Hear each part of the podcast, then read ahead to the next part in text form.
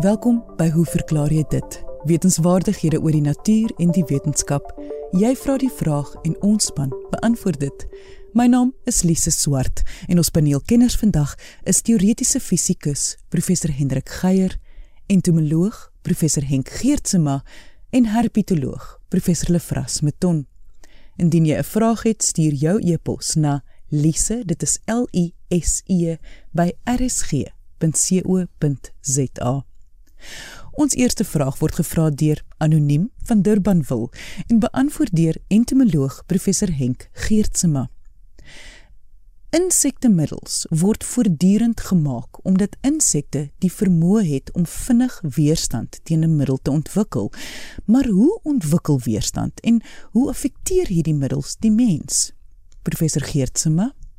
Hiervoor moet mens na 'n populasie kyk. Enige populasie bestaan net uit 100% individue. Sou mense 'n horisontale lyn trek, kan die lyn in vier gelyke eenhede verdeel word. Elke vierde is dus gelyk aan 25% van die populasie. Kom ons neem die gemiddelde lengte van die mensepopulasie deur 'n groep mense se lengtes te meet. Party is kort, ander gemiddeld, ander weer lank.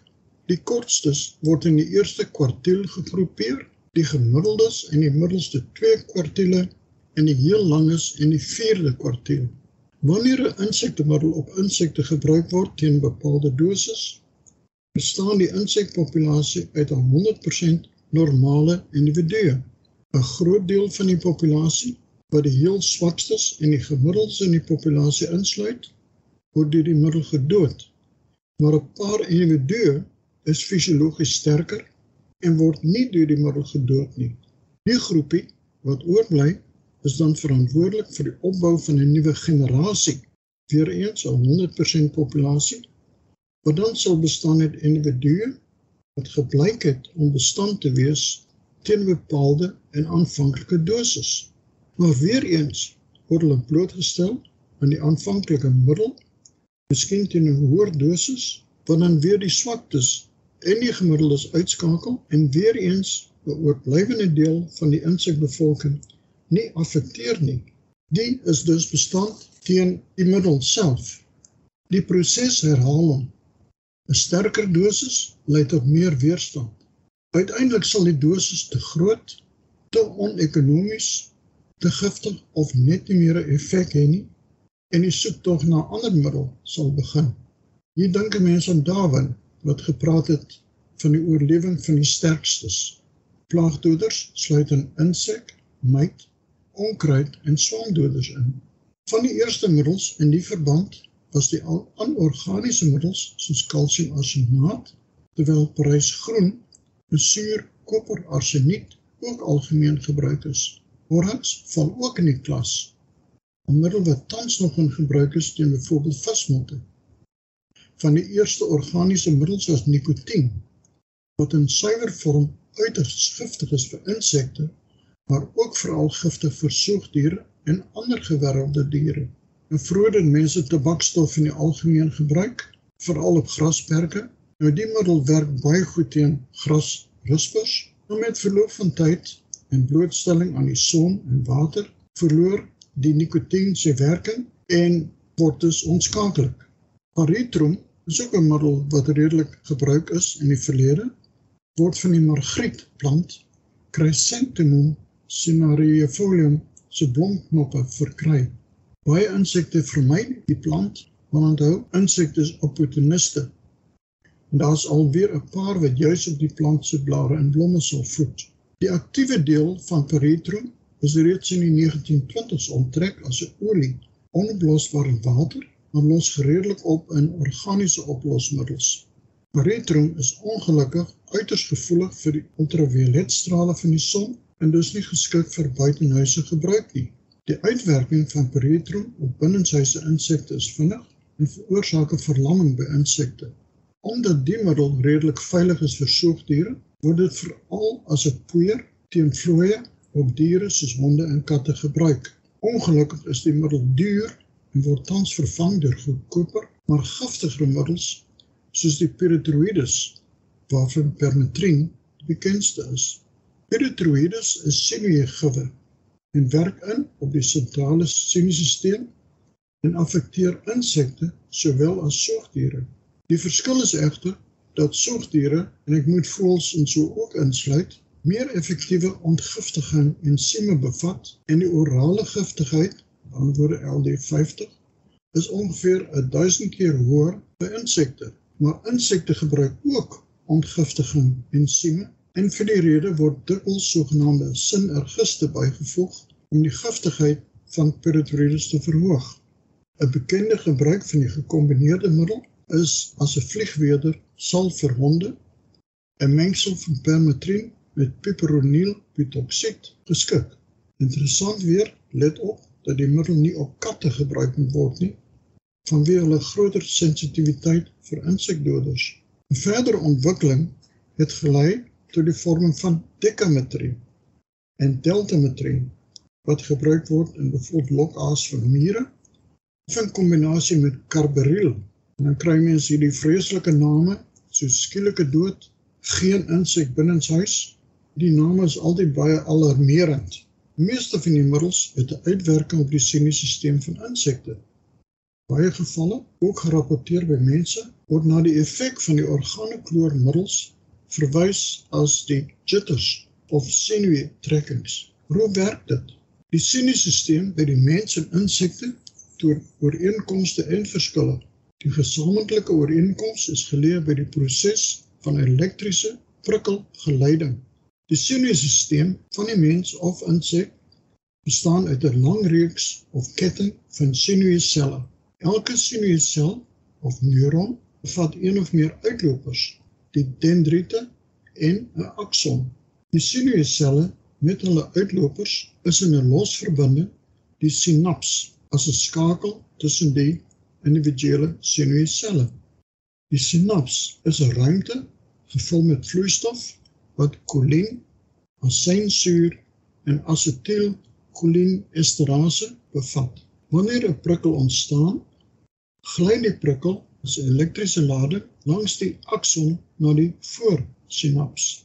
Met die aankoms van die prikkel verbind die ensiem die asynsuur met die kolien om 'n kompleks kolinesterase te vorm. Die kolinesterase gelei dan die prikkel na die na-sinaptiese deel en dra die prikkel weer die dendriet oor na die volgende senuissel en akson. Met die oordrag verval die komplekse kolinesterase terug na die losverbindings asynsuur en kolien.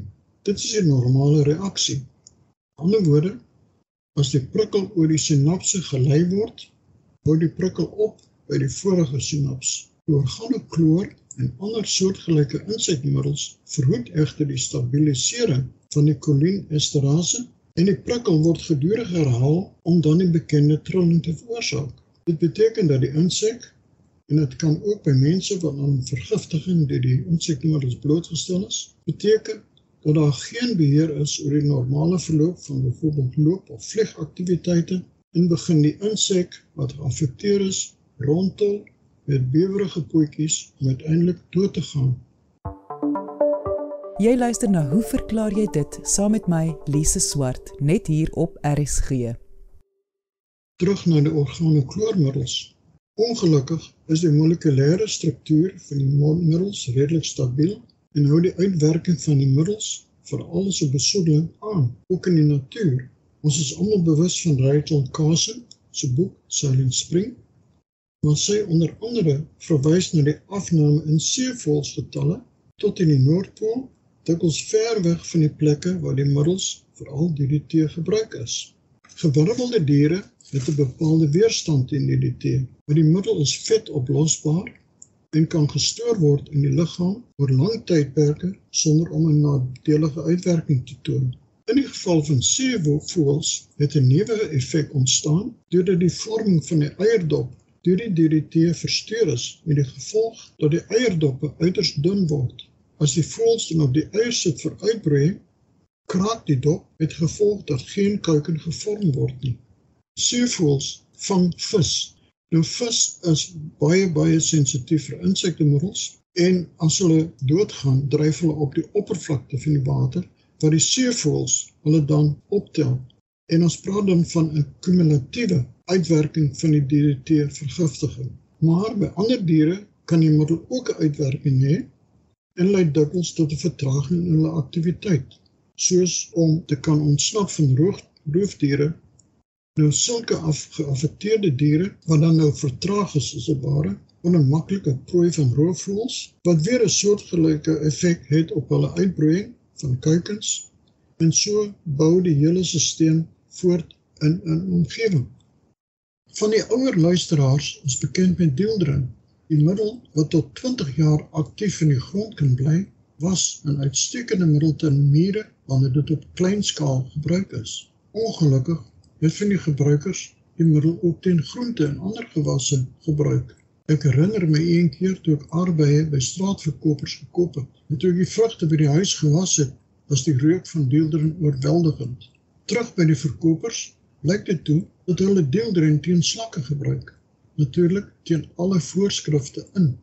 In Duitsland is bevind dat geel wortels deelderen uit die grond kan onttrek en 'n konsentrasie van die middel deelderen kan opbou van meer as 200 keer die toegelate vlak van die middel vir die mens. In 1973 is die gebruik van deeldrin en nuwe middels in Suid-Afrika verbied. Tog word die middel nog steeds in van ons buurlande gebruik. Oor die toegelate en gebruikspraktyk van insektemiddels wil ek graag in 'n latere program uitwy. Ek wil dadelik byvoeg dat ek nie 'n voorstander is van die gebruik van die middels nie, maar in die geval is dit van een bekend maar onbemind en dit was entomoloog professor Henk Geertsema. Diegene wat graag ekovriendelik hierdie somer wil omgaan met ons vriend die muskiet. Onthou sitronellaolie, suurlemoenbloekomolie, pepermentolie en laventelolie. Toets net vooraf jou vel om te sien of dit te sensitief is daarvoor en anders kan die olielampies ook baie vinnig handig word. Of wat kan jy in jou tuin plant of jou balkontuintjie? om muskiete weg te hou. Wel, kattekruid, peperment, laventel, salie, roosmaryn, suurlemoenbalsem en basiliekruid is almal wonderlik om muskiete weg te hou. En as 'n ekstra bonus sal hul heerlike geure beslis jou tuin opkikker. Indien jy 'n vraag het vir ons paneel aangaande wetenskap of die natuur, stuur jou e-pos na my. Dit is Lise Swart en my e-posadres is lise@rsg.co.za. Indien jy nie die adres gaan onthou nie, kan jy net na RSG se webwerf gaan en van daar af jou vraag direk vir RSG stuur en dit sal by my uitkom. Gaan na www.rsg.co.za. Volgende is teoretiese fisikus professor Hendrik Geier aan die woord met nog 'n opvolg aangaande die middelpunt van Suid-Afrika. Elisa, dit lyk vir my ons is nou nog nie klaar gesels oor die geografiese middelpunt van Suid-Afrika nie, want hier het ons nou 'n gawe skrywe van Henry Williams van der Aar gekry waar die volgende vir ons sê. Hy sê tussen Kimberley en Smitsdrift op die pad na Griekwastad was daar langs die pad omtrent 30 km wes van Kimberley altyd 'n standbeeldjie van 'n seeleeu met 'n bal op sy neus gebalanseer. Ek het verneem dit is die plek waar 'n kaart van Suid-Afrika sal balanseer. Met ander woorde, as jy die kaart op die eh, op die land se buitelyne uitknip, dan is dit die middelpunt van gewigsverspreiding van die kaart se papier. Nou Henry, baie dankie. Jy jy sal waarskynlik onthou dat dit Andre Olivier was wat hierdie gesprek destyds in in aan die gang gesit het met sy vraag of daar inderdaad ooit so 'n seeleutjie was. Nou lyk my jy bevestig dit en dit is nou nogal jammer en daar kan jy maar weer skryf en vir ons sê of dit iets is wat jy self gesien het tot wanneer die ding nou nog daar was en indien enige iemand iets weet oor die geskiedenis hiervan sal dit natuurlik bydra tot die toelichting van hierdie hele vraag want luisteraars sal onthou dat ons ook gewerk het met inligting wat uit een van die eh, uit 'n publikasie gekom het wat die plekkie met naam van Emmaus geïdentifiseer het uh, op presies dieselfde manier as wat Henry nou hier beskrywe en dit is wat ek eintlik voorgehou het as uiteindelik die enigste redelike manier om te praat van die geografiese middelpunt, naamlik om te praat van die swaartepunt van die Uh, van die kaart uh, wat jy nou al om sy buitelyne uitgeknip het. Dit sal natuurlik ook baie help as ons weet wie ook al vir hierdie seeleeuetjie se oprigting verantwoordelik was met watter inligting die persoon of persone gewerk het. Uh dien ooreenkomstig met watter inligting uh die men, die mense gewerk het wat Emmaus uiteindelik geïdentifiseer het. Uh luisteraars sal onthou dat ek so 'n uh, eerste orde eie eksperiment gedoen het, uh, naamlik om self 'n kaart uit te knip.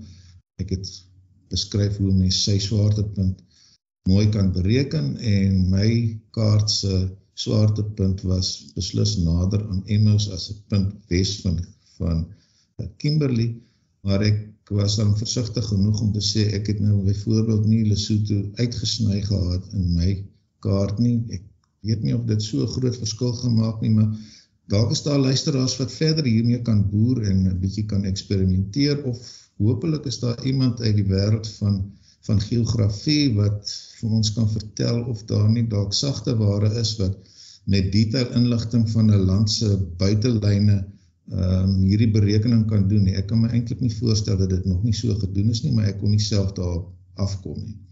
So Hendrik, dankie dat jy bevestig het dat daar op 'n stadium, ons weet nou nog nie tot wanneer nie, so 'n standbeeldjie van 'n seeleeu was met 'n bal op sy snoet.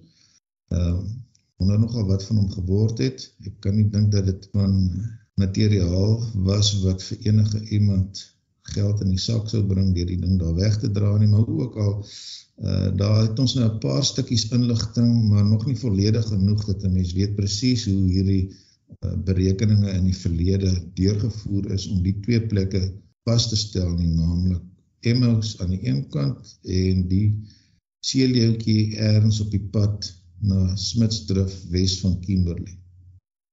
Dit was teoretiese fisikus professor Hendrik Geier. Indien enige iemand meer inligting oor die seeleeuetjie met die bal op sy snoet het, stuur gerus jou e-pos na lise@rsg.co.za. Ons kitsvraag word beantwoord deur herpetoloog professor Lefras Meton. Hoe verklaar jy dit? dat die Indiese huiskraai ook hier in Suid-Afrika voorkom. Professor Meton? Lise, ons het 3 inheemse kraaisoorte hier in Suid-Afrika: die witborskraai, die withalskraai en die swartkraai. En dan is daar nog 'n vierde kraai, 'n uh, uitheemse een, die Indiese huiskraai of sommer net huiskraai. Hy is 'n probleemdier hier in Suid-Afrika.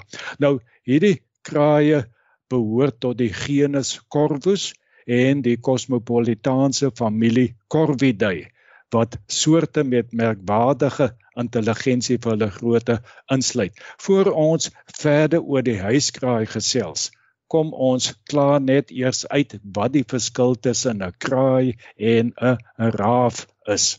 Die vier soorte wat ek opgenoem het, word in Afrikaans almal kraaie genoem. Maar as jy 'n Engelse voël gids sou raadpleeg, sou jy sien dat die withalskraai Corvus albicans uh in Engels 'n white-necked raven genoem word. In die algemeen word die groot soorte in die in die genus Corvus rawe genoem en die kleiner soorte kraaie. En daar's egter geen taksonomiese basis vir hierdie uh, diferensiasie nie.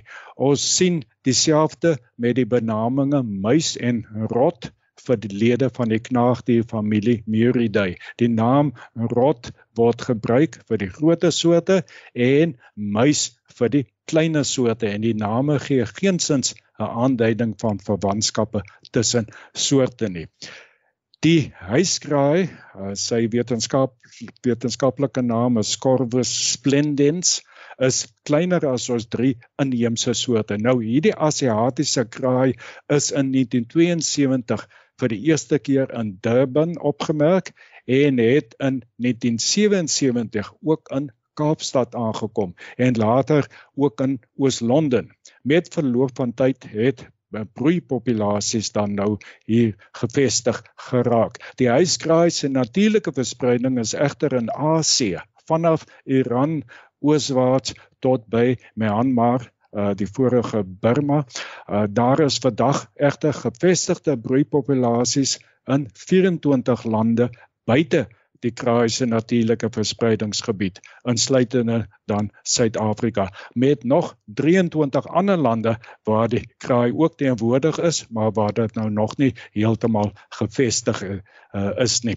In die meeste aspekte van sy biologie en gedrag is die huiskraai 'n tipiese kraai. Hy is veelsidig, hy's omnivories, uh, opportunisties en intelligent. Maar wat hom uniek maak is dat hy swerms vorm, aggressief is en dat hy 'n spesialis van stedelike situasies is, veral sover dat die stortingsterreine betref. Die spesies is ook uniek onder die kraaie in sy vermoë om lang afstande aan boord van skepe af te lê. En dit is dan ook die rede waarom dit in so baie hawe stede buite sy natuurlike verspreidingsgebied aangetref word insluitende dan ook Durban, Oos-London en Kaapstad. Daar's wel ook broeipopulasies weg van die kus, so die spesies kan ook oor korte afstande oor land versprei. Wanneer hy eers gevestig is in groot swerms vorm, het hierdie kraai 'n baie negatiewe effek op ander inheemse voëlspesies deurdat hulle kuikens uit neste steel. Ook gesaaides en veral groentegewasse loop deur. So 'n swerm so 'n swerm kraaie maak ook 'n groot lawaai en hul mis is nie net 'n irritasie nie, maar ook 'n bron van siekte toestande vir beide mens en dier. Nou gelukkig word daar in Suid-Afrika voortdurend baie hard gewerk om hierdie pestdier te beheer. Ek verstaan die kraai is feitelik uitgeroei in die Durban omgewing. In ander Afrika lande wat nou nie die die finansiële vermoëns het om streng beheer beheermaatreëls toe te pas nie, rig hierdie kraai egter groot skade aan die omgewing aan. En dit was herpetoloog professor Lefras Meton. Indien jy 'n vraag het, stuur jou e-pos na lise dit is L I S E by rsg.co.za. Onthou jy mag onder 'n skuilnaam skryf of vra om anoniem te bly. Ek sê baie dankie aan ons kinders vandag en dit was teoretiese fisikus professor Hendrik Geier en entomoloog professor Henk Geertsma en herpetoloog professor Lefras Meton en natuurlik ons vraagstellers. Ek sê ook aan julle dankie. Onthou om altyd nuuskierig te bly en vra te vra. Tot volgende week hier op RSG saam met my, Lise Swart. Totsiens.